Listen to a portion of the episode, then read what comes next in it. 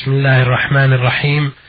الحمد لله رب العالمين وصلى الله وسلم وبارك على عبده ورسوله نبينا محمد وعلى آله وأصحابه أجمعين. أيها المستمعون الكرام السلام عليكم ورحمة الله وبركاته. واهلا ومرحبا بكم إلى هذا اللقاء الجديد من لقاءات هذا البرنامج والذي آه، نعرض فيه ما لدينا من رسائل على سماحة الشيخ عبد العزيز بن عبد الله بن باز. الرئيس العام لإدارات البحوث العلمية والإفتاء والدعوة والإرشاد ليتولى سماحته مشكورا الإجابة عليها بتوفيق الله سبحانه وتعالى. أولى الرسائل وردت من جمهورية السودان من محمد أحمد عبد الحكم من منطقة الكاملين. يقول في رسالته هذه والتي ضمنها عددا من الأسئلة آه، فسر الشيخ النووي رحمه الله في شرحه موضوع البدعة إلى خمسة أقسام. الأول بدعة واجبة ومثالها نظم أدلة المتكلمين على الملاحدة. الثانية المندوبة مثالها تصنيف كتب العلم. الثالث المباحة مثالها التبسط في ألوان الطعام. الرابع والخامس الحرام والمكروه وهما واضحان. السؤال يقول الرسول صلى الله عليه وسلم كل بدعة ضلالة. أرجو توضيح ذلك مع ما يقصده الشيخ النووي رحمه الله. بارك الله فيكم. بسم الله الرحمن الرحيم. الحمد لله وصلى الله وسلم على رسول الله وعلى آله وأصحابه ومن اهتدى بهداه. أما بعد هذا الذي نقلته عن النووي في تقسيم البدعة إلى خمسة أقسام قد ذكره جماعة من أهل العلم. وقالوا إن البدعة تنقسم إلى أقسام خمسة واجبة ومستحبة ومباحة ومحرمة ومكروهة. وذهب آخرون من أهل العلم إلى أن البدعة كلها, كلها ضلالة وليس فيها تقسيم بل كلها كما قال النبي صلى الله عليه وسلم ضلالة. قال عليه الصلاة والسلام كل بدعة ضلالة. هكذا جاء جاءت الأحاديث الصحيحة. عن رسول الله عليه الصلاة والسلام. منها ما رواه مسلم في الصحيح. عن جابر بن عبد الله الأنصاري رضي الله تعالى عنهما قال كان النبي يخطب يوم الجمعة فيقول في خطبته أما بعد فإن خير الحديث كتاب الله وخير الهدي هدي محمد صلى الله عليه وسلم وشر الأمور محدثاتها وكل بدعة ضلالة. وجاء في هذا المعنى عدة أحاديث من حديث عائشة وحديث العرباض بن سارية وأحاديث أخرى. وهذا هو الصواب أنها لا تنقسم إلى هذه الأقسام التي ذكر النووي وغيره بل هي كلها ضلالة والبدعة تكون في الدين لا في الأمور المباحة. فالتنوع في الطعام على وجه جديد لا يعرف في الزمن الأول لا يسمى بدعة من حيث الشرع. وإن كان بدعة من حيث اللغة لأن البدعة في اللغة هو المحدث على غير مثال سابق كما قال عز وجل بديع السماوات والأرض. يعني مبتدعها وموجدها على غير مثال سابق. لكن لا يقال بدعة إلا لما كان في التعبد في الأعمال الشرعية. فهذا كله يقال فيه ضلالة ما يقال فيه إنها أقسام واجب وسنة إلى آخره.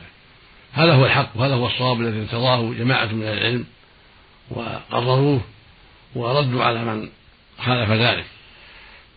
وكذلك تأليف الكتب وتنظيم الأدلة للرد على الملحدين والخصوم ما يسمى بدعة هذا ما أمر الله به ورسوله وهو طاعة لله وليس ببدعة فالكتاب العزيز جاء بالرد على الخصوم لأعداء الله بآيات عظيمات وجاءت السنة في ذلك أيضا بالرد على خصوم الإسلام وهكذا المسلمون من عهد الصحابة إلى يومنا هذا اعتنوا بالرد على خصوم الإسلام بما ظهر لهم من كتاب الله وسنة رسوله صلى الله عليه وسلم وأوضحوا الأدلة ونوعوها وكل هذا لا يسمى بدعة في الشر بل هو قيام بالواجب والجهاد في سبيل الله وليس ببدعة في حكم الشرع. وهكذا بناء المدارس والربط والقناطر وغير هذا مما ينفع المسلمين لا يسمى بدعة من حيث الشرع بل هو أمر مأمور به لأن الشرع أمر بالتعليم فالمدارس تعين على التعليم وكذلك ما يتعلق بالربط للفقراء أمر بإحسان الفقراء والمساكين فإذا بني لهم مساكن تسمى الربط هذا مما أمر الله به. وهكذا قناطر على الأنهار كل هذا مما ينفع المسلمين وليس بدعة بل هو أمر مشروع. تسميته بدعة إنما يكون من جنس ما تقدم حيث اللغة العربية. كما قال عمر رضي الله عنه في التراويح لما جمع الناس على إمام واحد يصلي بهم التراويح كل ليلة قال نعمت البدعة هذا يعني من حيث اللغة. وإلا فالتراويح سنة مؤكدة فعلها النبي صلى الله عليه وسلم وحث عليها ورغب فيها فليست بدعة بل هي سنة ولكن سماها عمر بدعة من حيث اللغة أنها فعلت على غير مثال سابق لأنهم كانوا في عهد النبي صلى الله عليه وسلم يصلون أوزاعا في المسجد. ليسوا على إمام واحد. هذا يصلي مع اثنين وهذا يصلي مع ثلاثة وهذا يصلي مع أكثر. وصلى بهم النبي صلى الله عليه وسلم ثلاث ليال ثم ترك. وقال إني أخشى أن تفرض عليكم صلاة الليل فتركها خوفا على أمتي من أن تفرض عليهم. فالحاصل أن قيام رمضان سنة مؤكدة وليس بدعة من حيث الشرع وإن سماه عمر رضي الله عنه بدعة من حيث اللغة. والخلاصة أن الصواب أن كل ما أحدثه الناس في الدين مما لم يشرعه الله فإنه يسمى بدعة وهي بدعة ضلالة ولا يجوز فعلها ولا يجوز تقسيم البدع إلى واجب وإلى سنة وإلى مباح إلى آخره.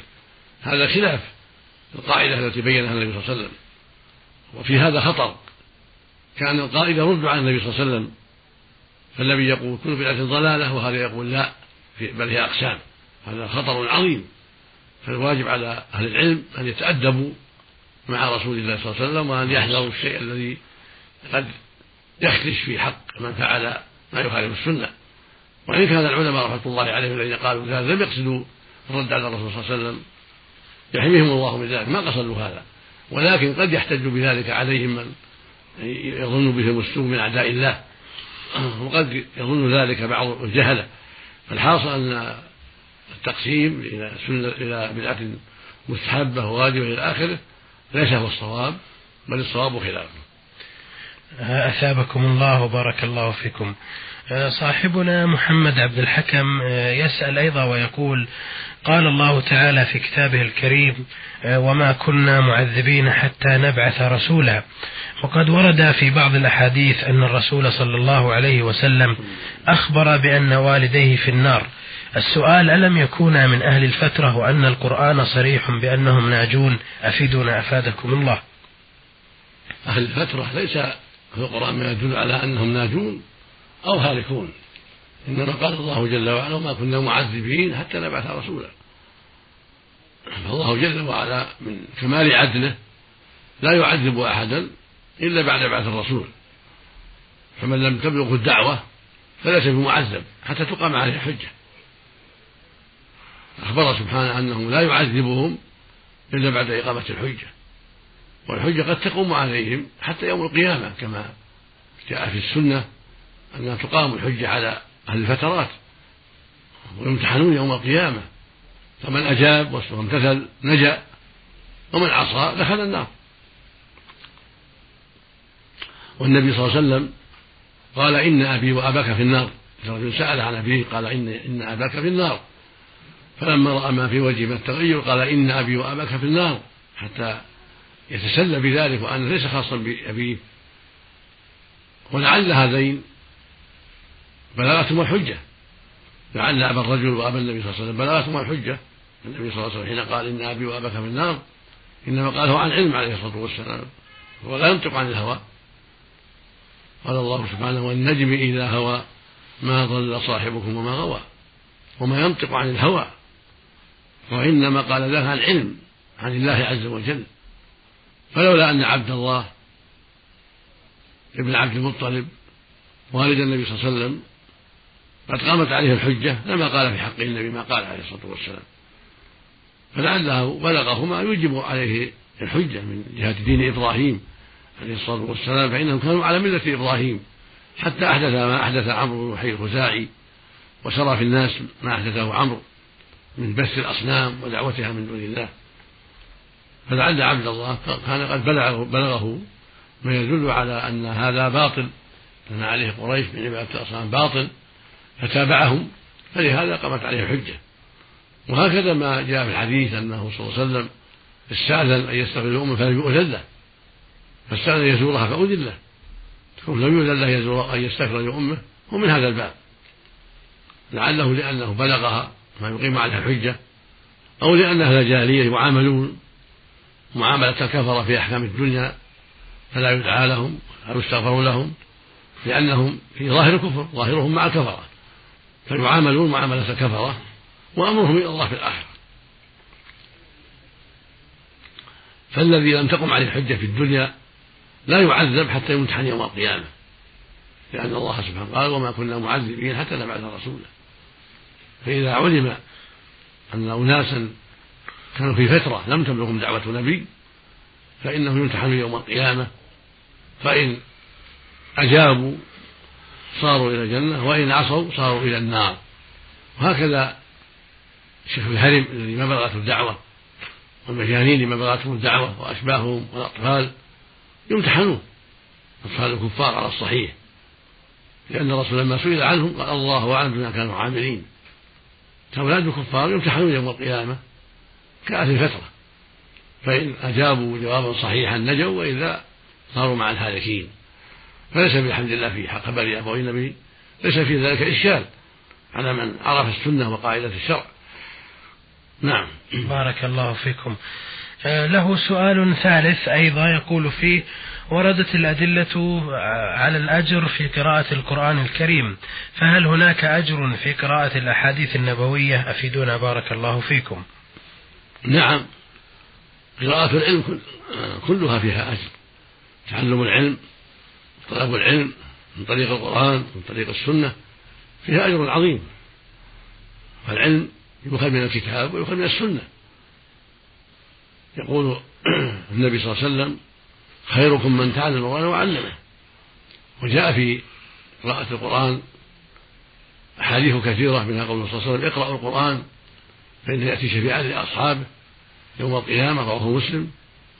وقال ذات يوم عليه الصلاة والسلام يحب أحدهم يذهب إلى بطحان وأدي في المدينة يقال بطحان فيأتي بناقتين عظيمتين في غير إثم ولا قطيعة رحم فقالوا كلنا يحب ذلك يا رسول الله.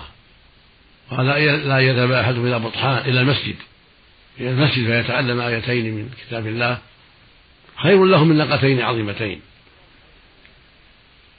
وثلاث خير من ثلاث ومن أربع ومن أعدادهن من ابن أو كما قال عليه الصلاة والسلام. هذا يدل على فضل تعلم القرآن وقراءة القرآن حديث مسعود من قرأ حرفا من القرآن فله حسنة والحسنة بعشر أمثالها. هكذا السنة إذا تعلمها المؤمن قرأ الأحاديث ودرسها يكون له أجر عظيم لأن هذا من تعلم العلم. يقول النبي صلى الله عليه وسلم من سلك طريقا يلتمس فيه علما سهل الله له به طريقا إلى الجنة.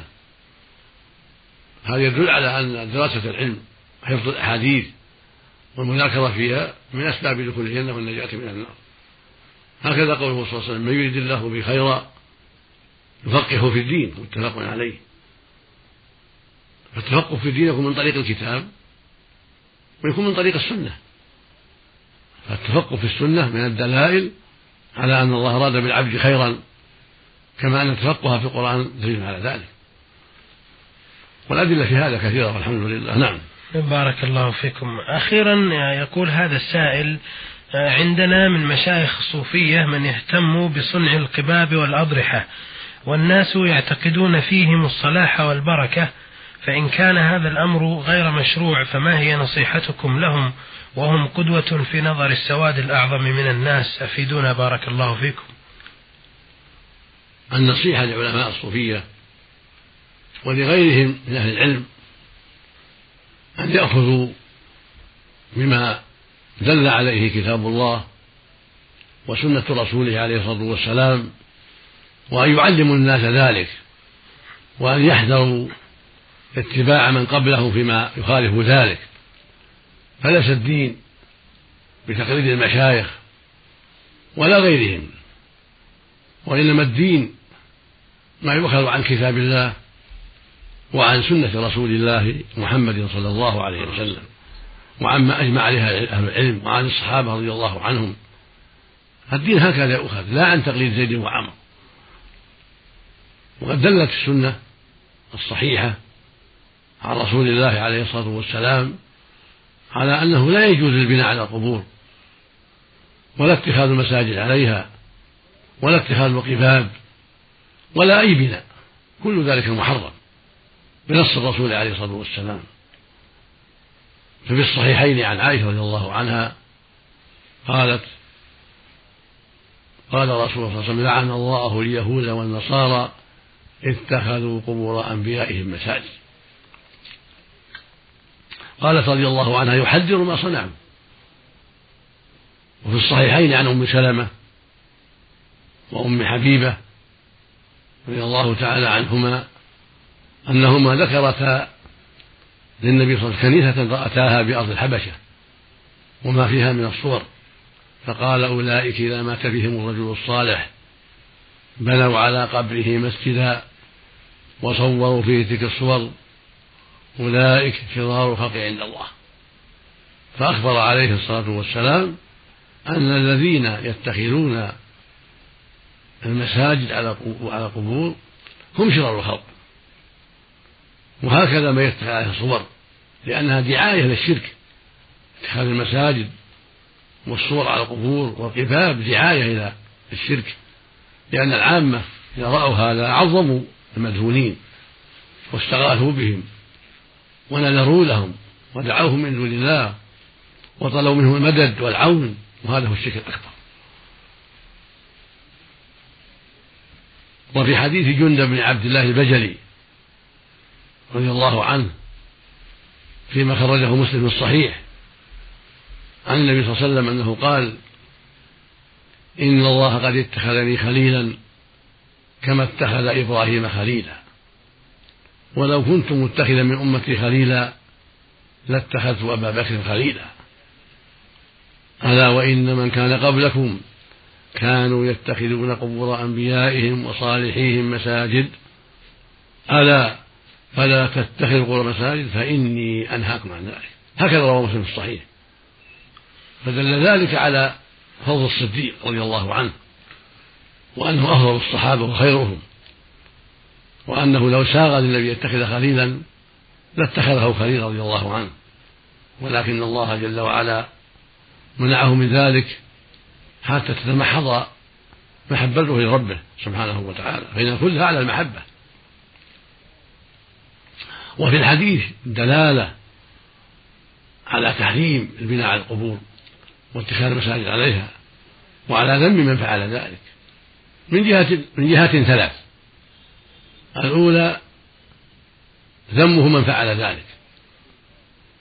الثاني قوله فلا تتخذوا القبور مساجد الثالث قوله فإني أنهاكم عن ذلك. فحذر من البناء على القبور بهذه الجهات الثلاث. يقول صلى الله عليه وسلم ألا وإن من كان قبلكم كانوا يتخذون قبور أنبيائهم وصالحهم مساجد يعني فلا تدفعوا بهذا لا تقتدوا بهم. ثم قال ألا فلا تتخذوا مساجد يعني لا تأسوا بهم. فإني أنهاكم عن ذلك. هذا شيء صريح. والعلة والحكمة في ذلك. كما قال أهل العلم أنه وسيلة وذريعة للشرك الأكبر. إلى عبادة أهل القبور. وصرف الدعاء والاستغاثة والنذور والذبائح لهم وطلبهم المدد والعون كما هو الواقع الآن في بلدان كثيرة عند السائل في السودان وفي مصر وفي الشام وفي العراق وفي بلدان كثيرة. يأتي الرجل العامي الجاهل ويقف على صاحب القبر المعروف عندهم فيطلبه المدد والعون والغوث. كما يقع عند قبر البدوي والحسين والست نفيسة وزينب وغير ذلك في مصر. وكما يقع عندكم في السودان في عند قبور كثيرة. وكما يقع في بلدان أخرى. وكما يقع في بعض الحجاج الجهال عند قبر النبي صلى الله عليه وسلم في المدينة. وعند قبور أهل البقيع. وعند قبر خديجة في مكة في مكة. وقبور أخرى. يقع هذا من الجهال. فهم يحتاجون إلى تبصير وإلى بيان وإلى عناية من أهل العلم. فالواجب على أهل العلم جميعا سواء كانوا منسوبين الصوفية أو غيرهم الواجب على العلماء جميعا على علماء الشريعة أن يتقوا الله وأن ينصحوا عباد الله وأن يعلموهم دينهم وأن يحذروهم من البناء على القبور واتخاذ المساجد عليها أو القباب أو غير ذلك من أنواع البناء وأن يحذروهم من دعاء الموتى والاستغاثة بالموتى الدعاء عبادة لله وحده. الله يقول فلا تدعوا مع الله أحدا. ويقول سبحانه ولا تدعوا من دون الله. ما لا ينفعك ولا يضرك فإن فعلت فإنك إذا من الظالمين يعني المشركين. ويقول صلى الله عليه وسلم الدعاء والعبادة والنبي يقول صلى الله عليه وسلم إذا سألت فاسأل الله وإذا استعنت فاستعن بالله. فالميت قد انقطع عمله مع الناس. وهو بحاجة إلى أن يدعى له إلى يستغفر له. إلى يترحم عليه لا يدعى من دون الله. يقول النبي صلى الله عليه وسلم إذا مات ابن آدم انقطع عمل بين من ثلاث صدقة جارية أو علم ينتفع به أو ولد صالح يدعو له فكيف يدعى من دون الله؟ وهكذا الأصنام وهكذا الأشجار والأحجار هكذا القمر والشمس والكواكب كلها لا تدعى من دون كلها لا تدعى ولا يستغاث بها. هكذا أصحاب القبور. وإن كانوا أنبياء وإن كانوا صالحين هكذا الملائكة والجن لا يدعون مع الله. الله يقول سبحانه ولا يأمركم أن تتخذوا الملائكة والنبيين أربابا. أيأمركم بالكفر بعد أن أنتم مسلمون؟ فجعل اتخاذ الملائكة والنبي أربابا بالدعاء والاستغاثة كفرا. والله لا يأمر سبحانه وتعالى. وفي حديث جابر عند مسلم يقول رضي الله عنه نهى رسول الله عن عن تجسس القبور. وعن القعود عليها وعن البناء عليها. هكذا رواه مسلم في الصحيح جابر. أن الرسول نهى عن تجسيس القبور. وعن القعود عليها. وعن البناء عليها. لماذا؟ لأنها وسيلة إلى الشرك. البناء عليها والتجسيس والكسوة والقفاب كل هذا وسيلة إلى تعظيمها والغلو فيها ودعاء أهلها. أما القعود عليها فهو امتهان لا يجوز. يقعد عليها لا هي محترمة لا تمتهن. لا يقعد عليها لا يبوي عليها لا يتغوط عليها لا يستند إليها لا يطأها. هذا ممنوع. احترام لها المسلم حيا وميت محترم. لا يجوز أن يداس قبره ولا أن تكسر عظامه ولا يقعد على قبره ولا أن يبال عليه ولا أن توضع عليه قمائم. كل هذا ممنوع. فالميت لا يمتهن المسلم لا يمتهن ولا يدعى من دون الله. لا يغلى فيه ويدعى من دون الله ولا يمتهن. ويداس وتوضع عليه القمائم والأبوال والقاذورات لا لا هذا ولا هذا. فالشريعة جاءت بالوسط جاءت باحترام القبور والدعاء لأهلها بالمغفرة والرحمة وزيارتهم للدعاء لهم والاستغفار لهم ونهت عن إيذائهم بالقمائم بالبول بالقعود عليهم إلى غير ذلك. ومن هذا ما جاء في الحديث الصحيح يقول صلى الله عليه وسلم لا تجلسوا على القبور ولا تصلوا إليها. لا تجعل قبلة ولا يقعد عليها. فجمعت الشريعة الكاملة العظيمة بين الأمرين بين تحريم الغلو في أهل القبور ودعائهم من دون الله والاستغاثة بهم والنذر لهم ونحو ذلك وهذا من الشرك الأكبر وبين النهي عن إيذائهم وامتهانهم والجلوس على قبورهم أو الوطئ عليها والإسناد إليها أو وضع القاذورات عليها كل هذا ممنوع. فلا هذا ولا هذا. وبهذا يعلم المؤمن ويعلم طالب الحق أن أن الشريعة جاءت بالوسط لا بالشرك ولا بالإيذاء. فالميت المسلم النبي أو الصالح يدعى له يستغفر له يسلم عليه عند زيارته. أما من يدعى من دون لا لا يقال يا سيدي المدد المدد. أو انصرني أو اشف مريضي أو أعني على كذا لا هذا مطلب من الله. ولا يمتهن. يوضع القمامة على قبره يوضع عليه يجلس عليه يبال لا لا هذا ولا هذا. أما الحي فلا بأس أن يتعاون معه لأن له عمل الحي له عمل. فلا بأس أن يتعاون معه فيما يجوز شرعا من الأسباب الحسية. كما قال تعالى فاستغاثه من شيعته عليه عدو في قصة موسى. فإن موسى حي والمستغيث حي فاستغاث على عدوه. هكذا الإنسان مع إخوانه ومع أقاربه يتعاونون في مزارعهم في إصلاح بيوتهم في إصلاح سياراتهم في أشياء أخرى من حاجاتهم. يتعاونون بالأسباب الحسية المقدورة لا بأس. وهكذا من طريق الهاتف التلفون من طريق المكاتبة من طريق الإبراق والتلكس كل هذا تعاون حسي لا بأس به في الأمور المقدورة. لكن ما يتعلق بالعبادة لا. لا يقال للحي ولو أنه حي لا يقال للحي اسم مريضي ورد غائبي من طريق السر فيه أن له سرا. ولا يقال انصرنا على عدو بسره يعني. لا انصرنا بالسلاح انصرنا بقرض دراهم يقرضهم إياها حتى يسعوا بها على شؤون الحرب لا بأس. كذلك يأتي الطبيب يطلب منه العلاج لا بأس. أما يقول اشفني لأن يعتقد في السر لأنه من شؤون الصوفية أو من غيرهم. هذا كفر. لأن الإنسان ما يقدر ما لا يقدر يتصرف في الكون. إنما أمور حسية. الطبيب يتصرف بالأدوية. كذلك الإنسان القادر الحي يتصرف بالأسباب الحسية يعينك بيده يبني معك يعطيك مال قرض أو مساعدة تدريبه يعطيك قطع غيار لسيارتك يساعدك في شفاعة لدى من يعينك. هذه محسية لا بأس بها. لا تدخل في عبادة الأموات والاستغاثة بالأموات ونحو ذلك. وكثير من دعاة الشرك يشبهون بهذه الأمور. هذه أمور واضحة بينة. لا تشتبه إلا على من هو من أجهل الناس. فالتعاون مع الأحياء شيء. جائز بشروطه المعروفة. وسؤال الأموات والإستغاثة بالأموات والنذر لهم أمر معروف عند أهل العلم شرك أكبر بإجماع أهل العلم ليس فيه نزاع بين الصحابة ومن بعدهم من أهل العلم والإيمان وأهل البصيرة.